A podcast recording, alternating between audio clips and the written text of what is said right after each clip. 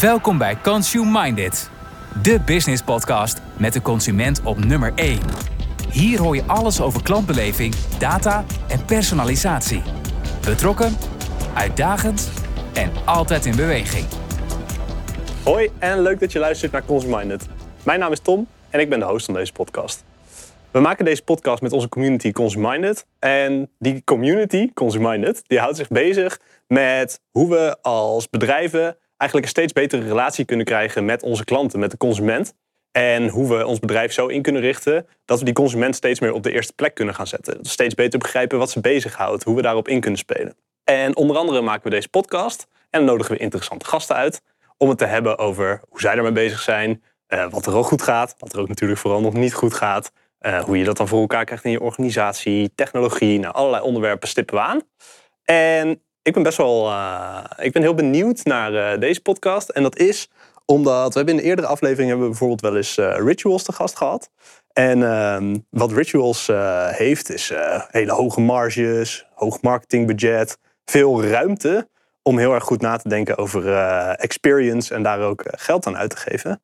En het is wel interessant, um, want wat we daar wel als feedback op kregen vanuit onze community is: oké, maar wat kan ik daar nou mee?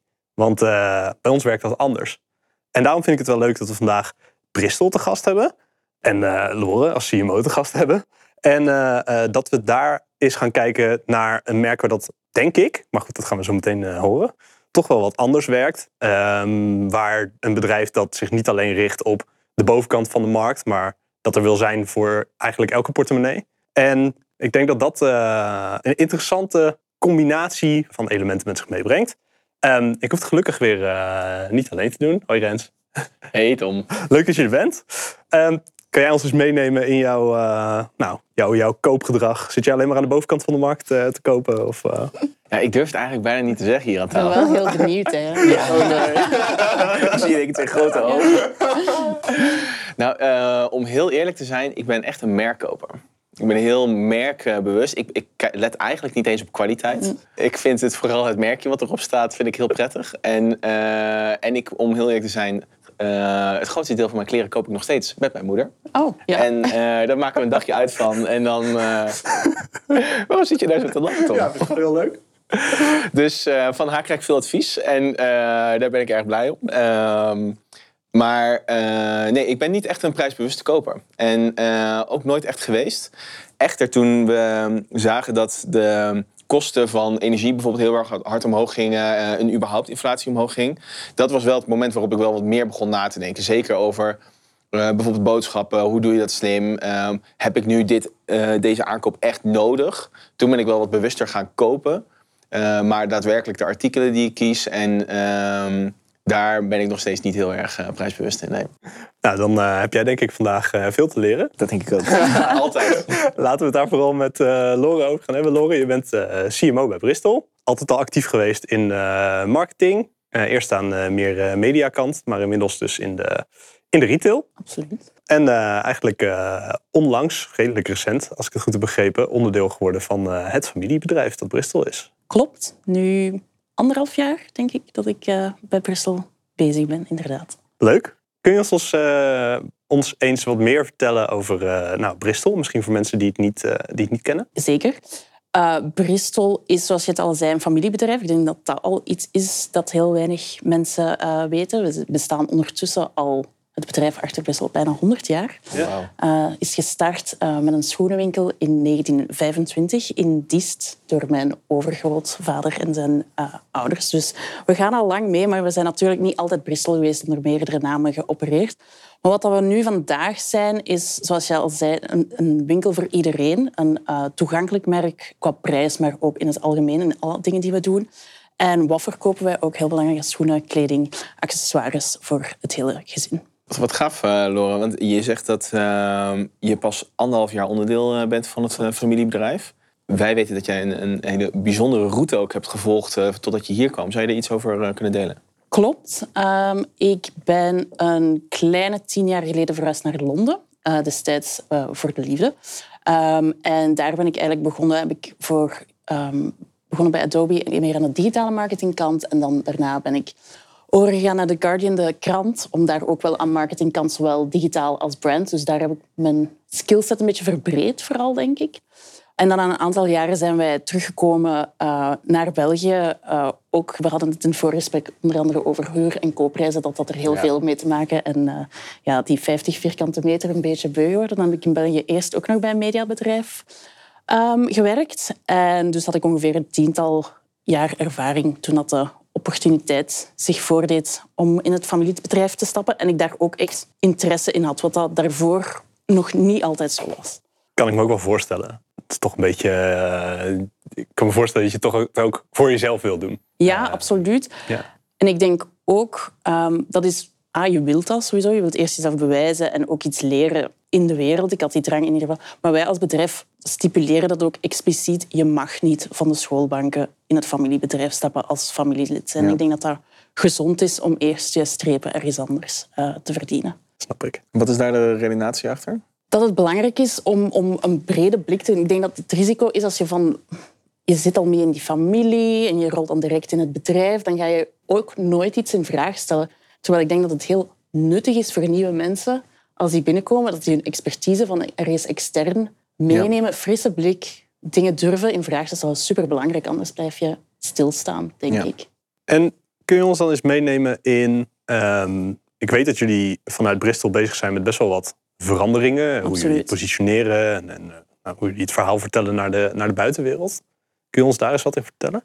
Klopt, we zijn eigenlijk aan een gigantisch change-traject uh, bezig. Dat is enerzijds het merk natuurlijk, waar dat we opnieuw invulling aan gegeven hebben, waar dat we ook meer...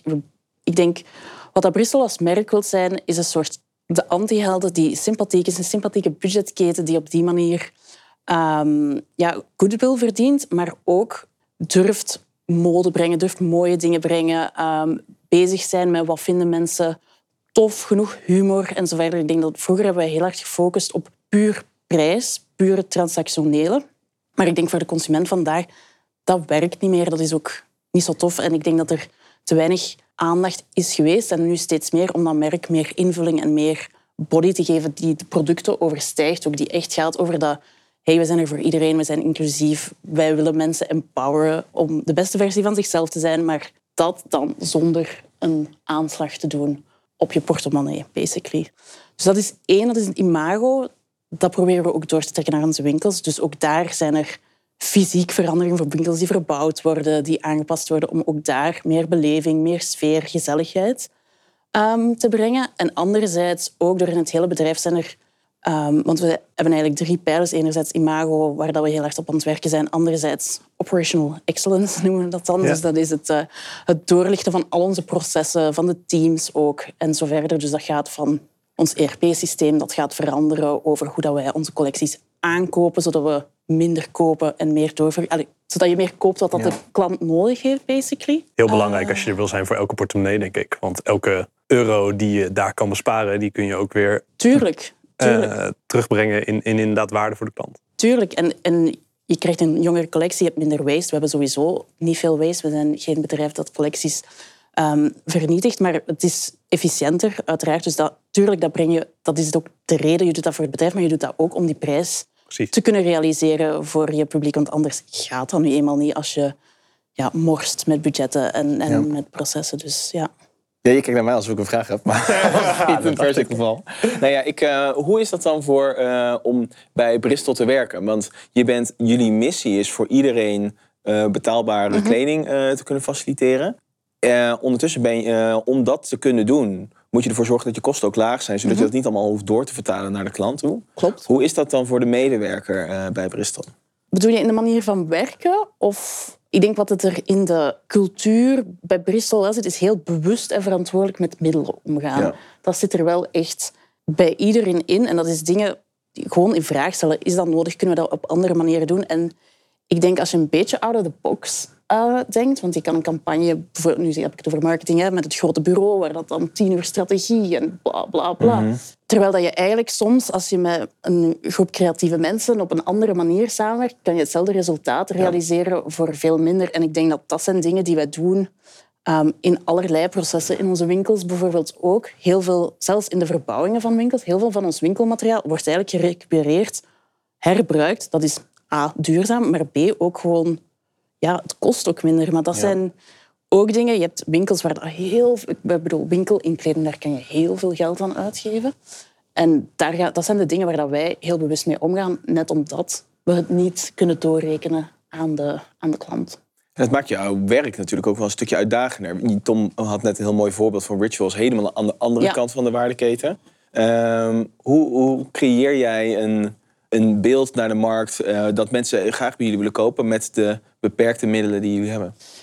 Ik denk dat beperkingen niet altijd slecht zijn. Ik denk dat je daar vaak creatiever door bent. Ja. Ehm, ik denk dat je dan vaak ook anders over campagnes gaat nadenken dan de traditionele. We gaan een hoop geld uitgeven aan eh, tv en media en zo verder. En we draaien een spot. En, we, en je gaat meer voor, oké, hoe kunnen we opvallen? Hoe kunnen we echt door... Ik denk dat je, als je minder middelen hebt, moet je echt creatief zijn om erdoor te omdat je niet die megafoon hebt om heel luid ehm, te roepen.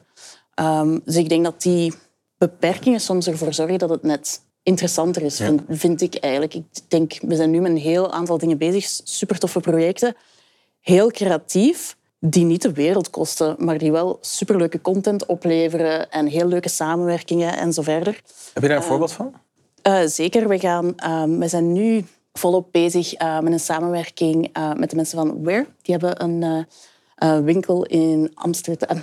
Sorry, in Rotterdam. Oh. Ja. Fout Weet er van ook nog iets? Ja. Fout van de buitenstaander.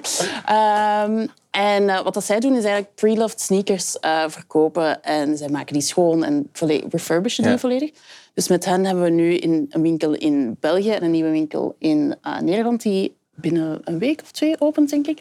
Een shop-in-shop. En dan gaan we ook een event samen met hen doen. En eh, ja, allerlei leuke content. Dus dat, zijn, dat is een voorbeeld van waar ga je dan mee aan de slag. Dat is eerder PR, influencers, ehm, social media content, veel organisch ook. Ja.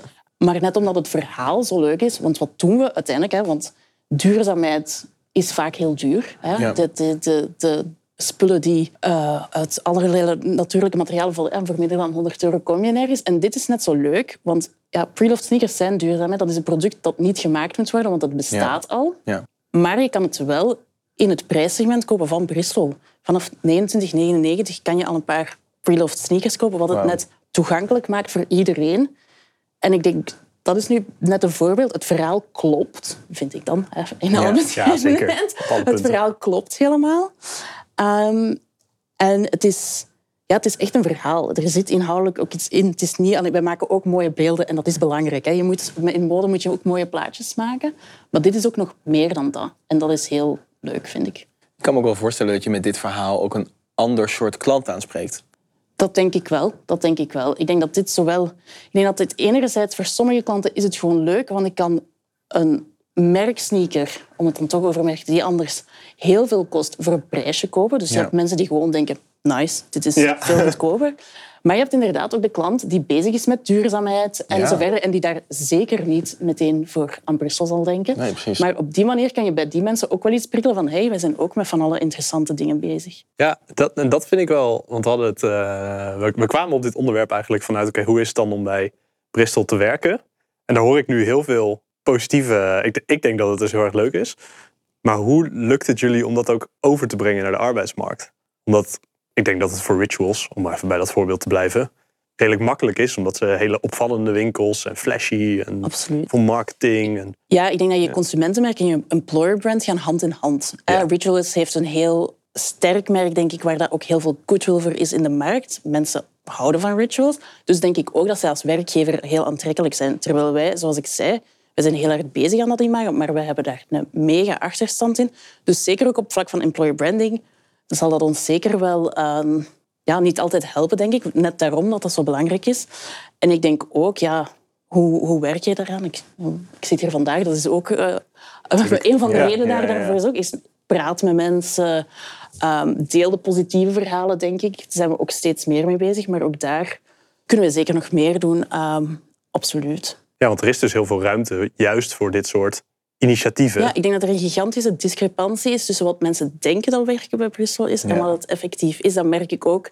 Aan de, ik heb, er zijn onlangs een aantal nieuwe mensen ingestart in mijn team ook. En die hebben ook gezegd, oh my god, ik krijg hier superveel vrijheid. We zijn met heel veel innovatieve dingen bezig. Ja. Ehm, die amuseren zich te pletter eigenlijk. Dus Ja. dat, dat is dan wel fijn. En ik hoop dan dat je langzaam maar zeker wel een soort...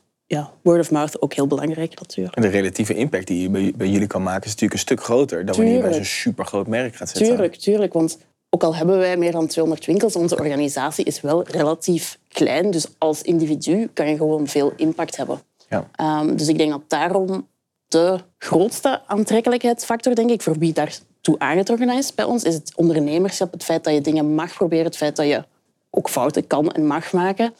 En dat er, omdat er zoveel aan de gang is, denk ik dat mensen die daar zich goed bij voelen en die daardoor geprikkeld worden, zou ik zeggen, vandaag is het moment om bij Bristol aan de slag te komen. Goed marketingpraatje. We doen Zeker. ons best. Ja, dat is mijn job. Hoe, eh, nu we dan toch wat meer over eh, intern hebben. Je gaf eh, toen we elkaar van tevoren spraken ook aan dat jullie ook een hele platte cultuur hebben. Dat is jullie, Ja. bij jullie iedereen, al, dat je geen manager hoeft te zijn om een project te initiëren. Klopt, klopt. Ik denk dat de, de ehm, officiële benaming van het systeem, ik ben geen HR-specialist, het is het TIL-systeem, maar inderdaad, het gaat een beetje vanuit de matrixstructuur in de zin dat je verschillende mensen kunnen op verschillende niveaus projecten trekken. Dus ook al ben jij hiërarchisch gezien niet de manager, kan je wel perfect een project leiden over verschillende afdelingen heen. Dus dat is eigenlijk de manier waarop dat wij werken. Er worden mensen verantwoordelijk gemaakt voor bepaalde projecten die dan vaak wel een sponsor hebben die in management zit of Ja. zo die ter ondersteuning brengt. Maar dat wil dus wel zeggen dat je naast de day-to-day van je job ook ehm, ja, veranderingsprojecten kan leiden. Of dat jij nu een manager bent of niet. Maar dat is ook wel interessant dat je dat. dat eh, en dat is ook wel, denk ik, voor eh, mensen die luisteren heel interessant. Dat als het lukt om zo'n nou, cultuur Mhm. en structuur te hebben, dat dan ook die ideeën ook echt uit de organisatie gaan komen. Juist Ja, het dat is ook lukt om die nodig. Hè? Want je ja. moet, we zijn een organisatie waar dat heel veel innovatie nodig is. Als je dan alles top-down gaat beslissen, ja, dan ga je er gewoon niet geraken, want dan moeten alle ideeën uit één hoofd komen. Ja. Dat werkt prima tijdens periodes van crisis, denk ik. Als er snel, kordaat gehandeld wordt, dan kan het soms niet anders. Want ja, het is wel een beetje messy, hè? de matrixstructuur. Er kan van alles mislopen als er niet goed gecommuniceerd wordt. Dus heel veel communicatie is nodig, waar je dan ook tijd moet insteken. Maar anderzijds wil dat wel zeggen dat er heel veel hubs tegelijkertijd met dingen bezig zijn, dat dan naar boven kan komen en ehm, doorgerold kan worden. Wat interessant eigenlijk dat jullie een eh, bedrijf zijn wat al 100 jaar oud is. Ja, Eh, meer dan dat zelfs. En onder- 97, 98. 98? Oh, heb ik net 90. verkeerd gerekend al. Oh, dat is gênant. Word ik gewoon gekald. En terecht. Nee, eh, maar eh, wat interessant dat jullie bijna 100 jaar oud Ja. zijn. En dan zo'n ehm, innovatieve eh, organisatiestructuur hebben. en manier hoe je met je mensen om moet gaan. Hoe is dat, hoe is dat ooit zo gekomen? Dat is nog maar redelijk recent. Ik denk dat dat een verhaal is ehm, dat gestart is sinds dat eh, Elise bij ons CEO is geworden. Ehm, waardoor dat de organisatie, hè, zoals ik al zei, er is heel veel verandering aan de gang qua het, de output, maar ook intern is er heel veel veranderd de laatste vijf à acht jaar. Dus dat is nog niet zo lang en dat is ook echt wel nog een work in process, want je werkt ook, merkt ook mensen die er al langer werken dat dat soms wat onwennig is. Dat kan hier en daar wel Ja. beginnen schuren en botsen, maar dat is wel nodig om de richting die we uit willen in te gaan. Dus ik denk dat wij 15 jaar geleden helemaal niet zo'n moderne ehm, bedrijfscultuur hadden. En is dat nu 100% veranderd? Nee, dat denk ik niet. Maar je voelt het wel aan alles dat aan het veranderen is. Ja. Een van de grote veranderingen eh, is, in ieder geval voor de buitenwereld, dat er nu een vrouwelijke CEO zit, maar ook een, het managementteam eh, eh, steeds vrouwelijker wordt. Ja, het is eigenlijk 100% vrouw momenteel. 100% vrouw? Allee, de directie, niet het hele management. De Ja. directie is 100% vrouw. Dat is, Dat is eh, toeval, maar dat is Oké, nou ja, maar dat is wel iets wat, Ja. eh, wat ik in ieder geval associeer bij be- eh, bedrijven die in ieder geval eh, verder voorop willen lopen Ja. ten opzichte van de witte mannen met eh, witte borden eh managementteams. Zou je daar iets over eh, uit kunnen leggen? Wat, wat, wat maakt jullie, eh, hoe is dat zo ontstaan en wat, waar helpt dit bij? Ik denk dat het veel te maken heeft met de bedrijfscultuur. Ik denk, hè, om, om vrouwelijk talent aan te trekken, denk ik dat je, ehm, ja, ik denk dat je een bedrijf moet zijn waar dat daar ehm, ruimte voor is, waar dat er geluisterd wordt naar elkaar, waar dat er ook, denk ik, ruimte is voor work-life balance. Ook heel belangrijk, denk ik. Maar het komt zowel mannen als vrouwen ten goede, maar ik denk dat het toch nog vandaag de dag nog voor vrouwen nog altijd belangrijker is. En ik denk de reden waarom dat wij vandaag zo'n vrouwelijke directie is, dat is ook nog niet zo heel lang. Ik denk dat dat ook een beetje een sneeuwbaleffect is. Je hebt een Ja. vrouwelijke CEO, die komt wat in de pers. Andere vrouwelijke topmanagers zien dat, denken, ah ja, daar, daar wil ik misschien ook wel. Dus dat is een beetje een, een, een sneeuwbaleffect, denk ik. Want zoals ik al zei, dat is geen bewuste strategie, maar ik denk wel dat de, ja, het hele verhaal van, en daar hoor je over allerlei diversiteitszaken, is voorbeelden zijn belangrijk, denk ik, rolmodellen. En ja, we hebben toevallig momenteel een sterk vrouwelijk rolmodel in ons bedrijf, in onze Ja. CEO. Dus ik denk dat dat ook wel helpt. Is dat ook hetgene wat jou aangetrokken heeft? Het vrouwelijke niet per se, maar het feit dat Elise aan het roer staat, zeker wel. Voor- Maar dat heeft niks met gender te maken. Dat heeft te maken met haar visie, met dat veranderingstraject, met die nieuwe richting waar Ja. we uitgingen. Want zoals ik al zei, ik ben nog maar pas bij het familiebedrijf ingestapt. En als je mij tien jaar geleden had gevraagd, ga je daar ooit bij weg, dan had ik zeker nee gezegd. Ja. Dat sprak mij op dat moment totaal niet aan, de situatie toen. Maar ik zie nu wel, ik zie de vlag staan waar dat we naartoe aan het gaan zijn. En dat is wel iets waar dat ik me helemaal in kan vinden. En ik denk dat dat hetgene is wat mij aangetrokken heeft bij Bristol. Af. En je bent zelf natuurlijk een female leader. Ja. Ehm, hoe eh, vul jij die rol in? Ehm, ik denk niet dat ik bewust op vlak van mijn gender anders omga met leadership. Ik denk dat iedereen daar heel individueel in is. Ik denk, ik als manager vind het heel belangrijk om mensen ruimte te geven. Ehm, hetgene wat ik zelf het meest verschrikkelijk vind, is gemicromanaged te worden. Dus ik probeer dat zelf ook ten alle kosten eh, te vermijden. Ehm, dus ik probeer wel iemand te zijn die mijn direct reports challenged. En heel transparant. Ik denk dat dat ook iets is wat superbelangrijk is. Directe feedback. Geen doekjes erom winnen. Maar ik denk wel iemand een, een heldere boodschap geven is superbelangrijk. En daarnaast iemand ook vrijheid geven om zelf in te vullen. Ja. Als je zegt, ik wil dat je naar B gaat, niet zeggen en je moet er zo naartoe gaan. Zolang dat de output is wat dat we, de, allee, het doel bereikt wat dat we voorop stellen, kunnen mensen daar eens wel zelf invulling aan geven. Ja, precies. En nou, die diversiteit, of in ieder geval op bepaalde vlakken die je in het leadership eh, ziet bij jullie, merk je dat ook terug in die ideeën die er eh, uit de organisatie komen? En, en wat brengt het jullie misschien wel? Ehm goh, moeilijk vraag. Ik denk dat de, de ideeën misschien meer te maken hebben met de cultuur algemeen van vlakke structuur, best veel vrijheid. Ook de, niet alleen de ruimte om te ondernemen, maar ook echt de expliciete vraag om dat te doen, denk ik. Eh zorgen voor veel ideeën. Ik denk het, ja, het feit dat er veel vrouwelijke managers zijn, ik weet ik eigenlijk niet wat daar kan. Dat Nee, kan ik jou niet zeggen waar dat daar de impact Nee, van nee. is. Nee.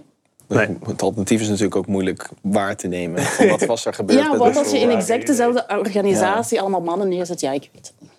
Nu zijn er best wel veel organisaties bezig Mhm. met eh, in ieder geval meer eh, gelijkwaardigheid in eh, de verdeling van eh, mannen en vrouwen, maar eigenlijk op elk Mhm. vlak om meer inclusiviteit eh, te organiseren. Wij werken zelf toevallig in zo'n organisatie die, dat, die daar nu heel veel mee bezig is. Mhm. Zeker. Eh, wat ik denk dat een, een, een geweldige trend is. Maar eh, ik merk dat wij bijvoorbeeld, en ik denk ook nog andere bedrijven binnen de community, eh, aan het struggelen zijn. Hoe krijgen we dat voor elkaar? Zijn er tips die je aan ons kunt geven hoe je eh, die balans meer weer terug kan brengen?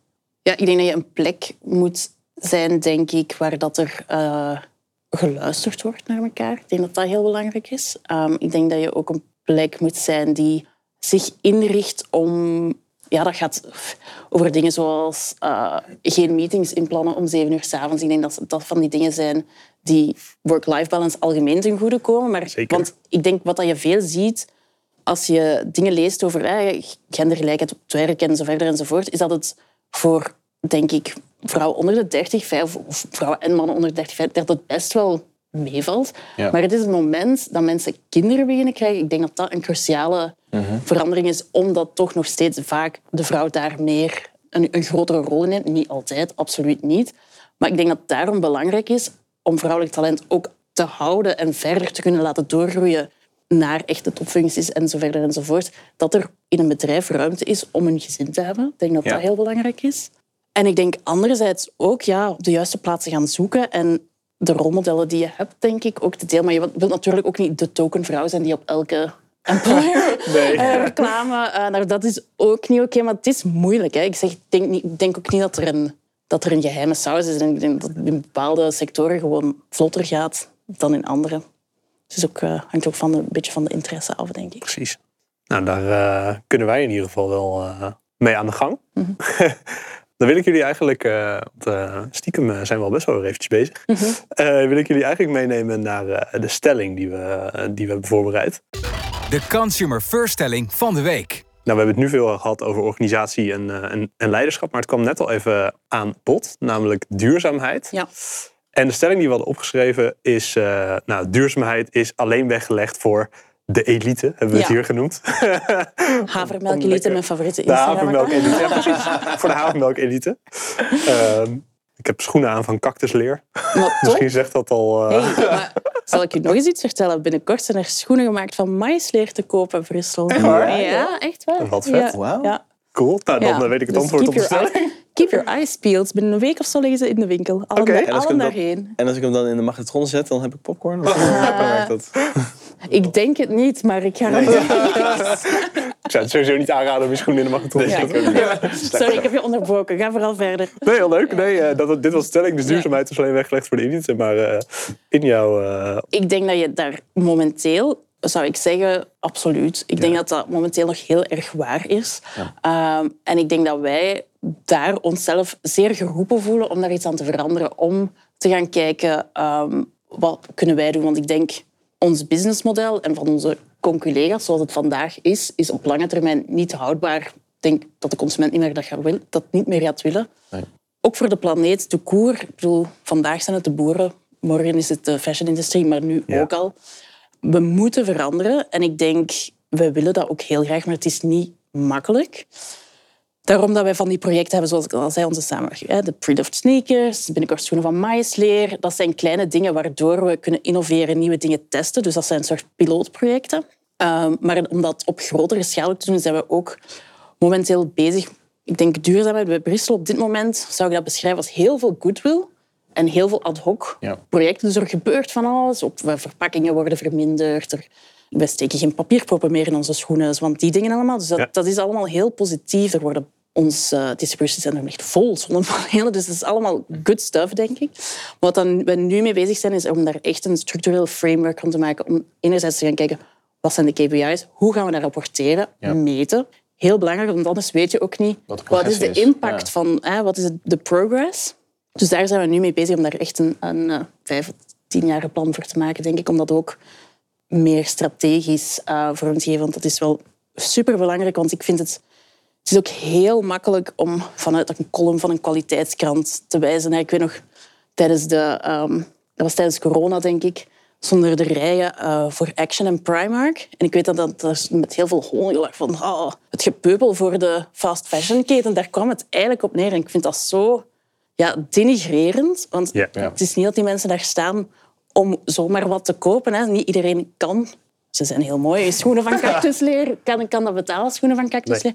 En daarom denk ik dat het net heel boeiend is om daar als budgetketen of brede keten in ieder geval mee aan de slag te gaan. En ik bedoel, we hebben het geheime recept nog niet gevonden, maar we zijn er wel heel erg mee bezig. Want ik denk dat om echt impact te hebben, mag die stelling niet meer waar zijn. Precies. Duurzaamheid is Dat duur, is het maar doel. het- Ja. momenteel is het wel nog een beetje waar, denk ik. ja. Als je met deze alternatieve manier van schoenen maken, is dat dan ook prijs, eh, op de prijs ook duurzaam? Is, eh, is dit nog steeds haalbaar voor jullie consument? De schoenen van Meisleer zijn wel wat duurder. Ja. Ik denk dat die ehm, zijn een pak goedkoper. Ik denk de helft dan een niet nader genoemd bekend vegan schoenenmerk. Ehm, het, is niet, het zijn niet die, denk ik. Ehm, dus op dat vlak, ja, ze zijn veel goedkoper, maar ze zijn ook wel duurder dan wat al wij momenteel in ons dingen. Terwijl dat bijvoorbeeld het refurbished schoenenverhaal, ja, die zitten in dezelfde, Ja, in dezelfde ja. prijscategorie. Dus ik denk daar ook... Duurzaamheid is ook kwaliteit van je producten. Hè. Minder kopen is het duurzaamste wat je kan doen. Het product Ja. dat niet gemaakt wordt, is eigenlijk het beste Ja. product. Want dat is heel tricky. En daarmee dat ik ook zeg, ik denk dat het niet alleen maar gaat... Het gaat natuurlijk ook, het gaat over materialen, het gaat over productieprocessen, het gaat over transport, het gaat over verpakking, et cetera. Maar het gaat ook over consumptie bij de bron. Dus ik denk dat daar ja, dingen waar dat we naar gaan moeten kijken is circulaire modellen, misschien zelfs huur. Of weet ik veel. Er zijn allerlei dingen die je kan bedenken, denk ik, die we nu nog niet nu nog niet doen. Ook kunnen we misschien modegrillen een beetje verminderen ook. Ook, mode Ja. is eigenlijk heel onduurzaam. hè. Ja, dat eh, denk- zeker. Ik denk wel dat we zeker in onze, ehm, in onze textiel veel goede basics hebben van goede kwaliteit. In biokatoen. Ehm Ja. Maar die, ehm, en dus die zijn niet zo modisch. Maar inderdaad, ja, mode te koer is een beetje onduurzaam. Want waarom moet je dit jaar een andere sneaker hebben dan vorig jaar? Als die eigenlijk Ja. nog... Ik, bedoel, ik ben er ook schuldig aan. Ik ga niet zeggen dat ik... Ik ook. Maar Ehm, al zit mijn spijder- spijkerbroek dit jaar los en eh, twee jaar geleden Ja. strak. Ja, dus ook dat denk ik. Ik ben heel benieuwd hoe dat, dat gaat evalueren. Want dat is ook iets... Mode heeft altijd wel al bestaan. Zelfs in 1860. Maar het ging niet zo snel. Nee. Nu is het... Ja, bij sommige ketens is het om de twee weken een ander Ja, winkelbeeld. eh, Dus ik denk dat die snelheid in ieder geval voor de planeet best wel gaat afnemen. Maar het is heel boeiend om te zien waar dat het naartoe gaat. Want ik vind dat je enerzijds zie je net inderdaad duurzamer, goede basics. Je hebt bepaalde merken die bijvoorbeeld vijf modellen hebben bijna, maar die zo uitgepuurd zijn totdat ze Ja. perfect zijn. En langs de andere kant heb je de shines van deze wereld, waar dat je Ja. bestel maar, bestel maar en draag het twee keer en het valt uit elkaar. Wat dat ook nog altijd heel Ja. populair is. Dus wat, Ja. wat dat de consument gaat willen, dat vind ik heel interessant waar dat het naartoe gaat. Ja. Hebben jullie daar zelf ook een, ehm, een bepaalde rol in, vind je? Eh, een bepaalde manier hoe je je consument moet opvoeden? Want een, eh, enerzijds eh, geef je aan van hey, we willen graag producten eh, betaalbaar maken voor iedereen. Anderzijds zeg je eigenlijk de meest betaalbare manier is één keer investeren zodat je een bepaalde Ja. schoen veel langer kan dragen. Absoluut. We zijn bijvoorbeeld ook... ehm, ik denk dat mensen Bristol ook vooral associëren met synthetische schoenen. We hebben ook best wel een grotere leren schoenencollectie, waar dat ook pro's en cons voor zijn. Maar de leren schoenen gaan wel veel langer mee. Ze zijn duurzamer op dat vlak. Dus dat is ook iets waar dat wij onze klanten in willen meenemen. Betaal misschien 10 euro meer voor die leren paar schoenen, een paar laarzen, in plaats van het synthetische paar. Daar kan je drie jaar, vier jaar mee doen, in plaats van één of twee. Dus ook dat Ja. is, een, is inderdaad iets waar dat we onze bestaande klanten in kunnen proberen mee te krijgen in dat verhaal. En eh, nemen jullie dat dan ook mee in de manier hoe jullie communiceren? Hoe communiceren jullie überhaupt met, eh, met, je, met je klanten? Over de kwaliteit zeker wel. Maar om nu echt te zeggen, deze kwaliteit is zoveel... Dat is heel moeilijk om... Ik Ja, bedoel, Hard het te maken. Ja. Ja, hard te maken gaat wel. Maar ik, ik ga, als consument lees je dat gewoon Het is niet. gewoon ingewikkeld. Dat is Ja, het is ingewikkeld. Ik heb geen zin om een, een, een eh, A4'tje te lezen over waarom leren schoenen duurzamer zijn en waarom dat die extra investering zich uiteindelijk wel gaat terugbetalen. Ik denk, Nee. ja, allee, als marketeer het is moeilijk om zo'n boodschap. Het is eh, niet de meest sexy boodschap, maar we proberen dat wel hier en daar. Maar in, ja, in, in een, dat in de slogan te gieten is Ja. moeilijk. Ja, Ja. in een jingle. Ja. dat is inderdaad lastig, ja. ja. Wat ik wel heel eh, cool vind, is door het wel op te nemen, expliciet in de strategie en de doelen, geef je mensen wel intern ook de ruimte om dat in ieder geval naast operational excellence en, en, en kosten. Maar wij en, vinden duurzaamheid is eigenlijk voor ons ook deel van die operational excellence. Ja. Want het gaat moeten ook. Het gaat juridisch moeten. Het gaat gewoon Ja. voor de wereld moeten. De consument gaat dat willen. Dat is super moeilijk. Hè? Je kan ook zeggen, oh, poeh, we blijven onze supply chain, laat die maar staan. Dat, Zo dat loopt lekker. Ja, wel zo makkelijk. En op vlak van kosten op zich hè, prima. Maar je moet wel naar dat duurzaamheid Ja. toe. En dat is, ja, voor ons is dat ook deel van de operational excellence om daar naartoe te werken. Ja, dus dat is niet alleen. Dat kan nooit alleen een soort van euro's morgen zijn. Dat is niet. Nee. Dat, dat, dat, ja, nee. Daar zit ook, eh, de lange termijn zit hier ook een belang, want anders dan Tuurlijk. houdt het gewoon op. Interessant. Ehm, we hebben het al best veel over de toekomst gehad, maar ik wil nog heel even met je je een ingewikkelde vraag stellen. Tenminste, ik vind het altijd een ingewikkelde vraag, want ik weet zelf niet waar ik over vijf jaar wil zijn. Ah, Maar eh, misschien weet jij dat wel voor Bristol. Ja. dus dat is de vraag. Wat verwacht je, of welke, welke belangrijke ontwikkelingen zie je in de, in de toekomst eh, voor Bristol? Ik hoop eh, dat er binnen vijf jaar al iets in de hoofden van de mensen veranderd is. Naar, eh, naar al het eh, zwoegen dat wij eh, op marketing- en salesvlak gedaan hebben. Dus dat hoop ik wel. Dat je dat, ik weet dat je dat op een jaar meet je dat niet, maar ik hoop binnen vijf jaar wel al een beetje. En ik denk dat wij ook op vlak van duurzaamheid dan al heel wat stappen gezet gaan hebben. Denk, dat denk ik wel echt.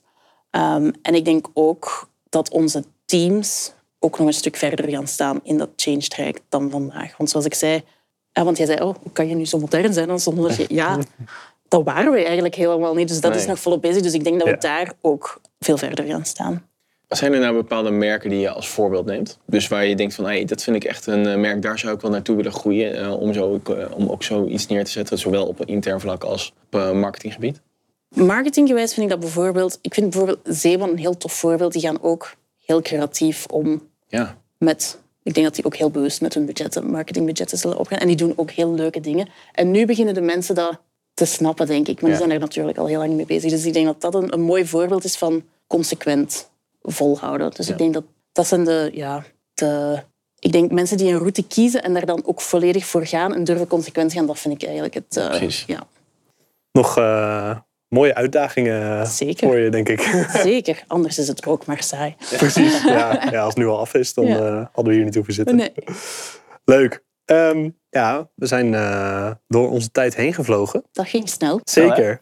Ik vond het in ieder geval heel erg leuk. En ik wil je heel erg bedanken dat je hier was. Ik ook, dank jullie wel. En um, nou, Rens, jij natuurlijk ook weer bedankt. hè. geen probleem. ik ben er de Ja, volgende oké, keer laat ons weer Rens ook niet bij. Hij bedankt me eigenlijk nooit. Nee, dat klopt. Dat bedacht ik me ook. Nou ja. En eh, voor alle luisteraars, heel erg bedankt voor het luisteren. Eh, mocht je nou meer willen weten over eh Consuminded en de roundtables en de trendrapporten en de events en de eh, nou, webinars, podcasts, whatever. Wat we allemaal eh, organiseren en eh, je ook meer bezig willen houden met hoe ik de consument op de eerste plek kan zetten. Kijk dan vooral eens op www.consuminded.com. Bedankt voor het luisteren.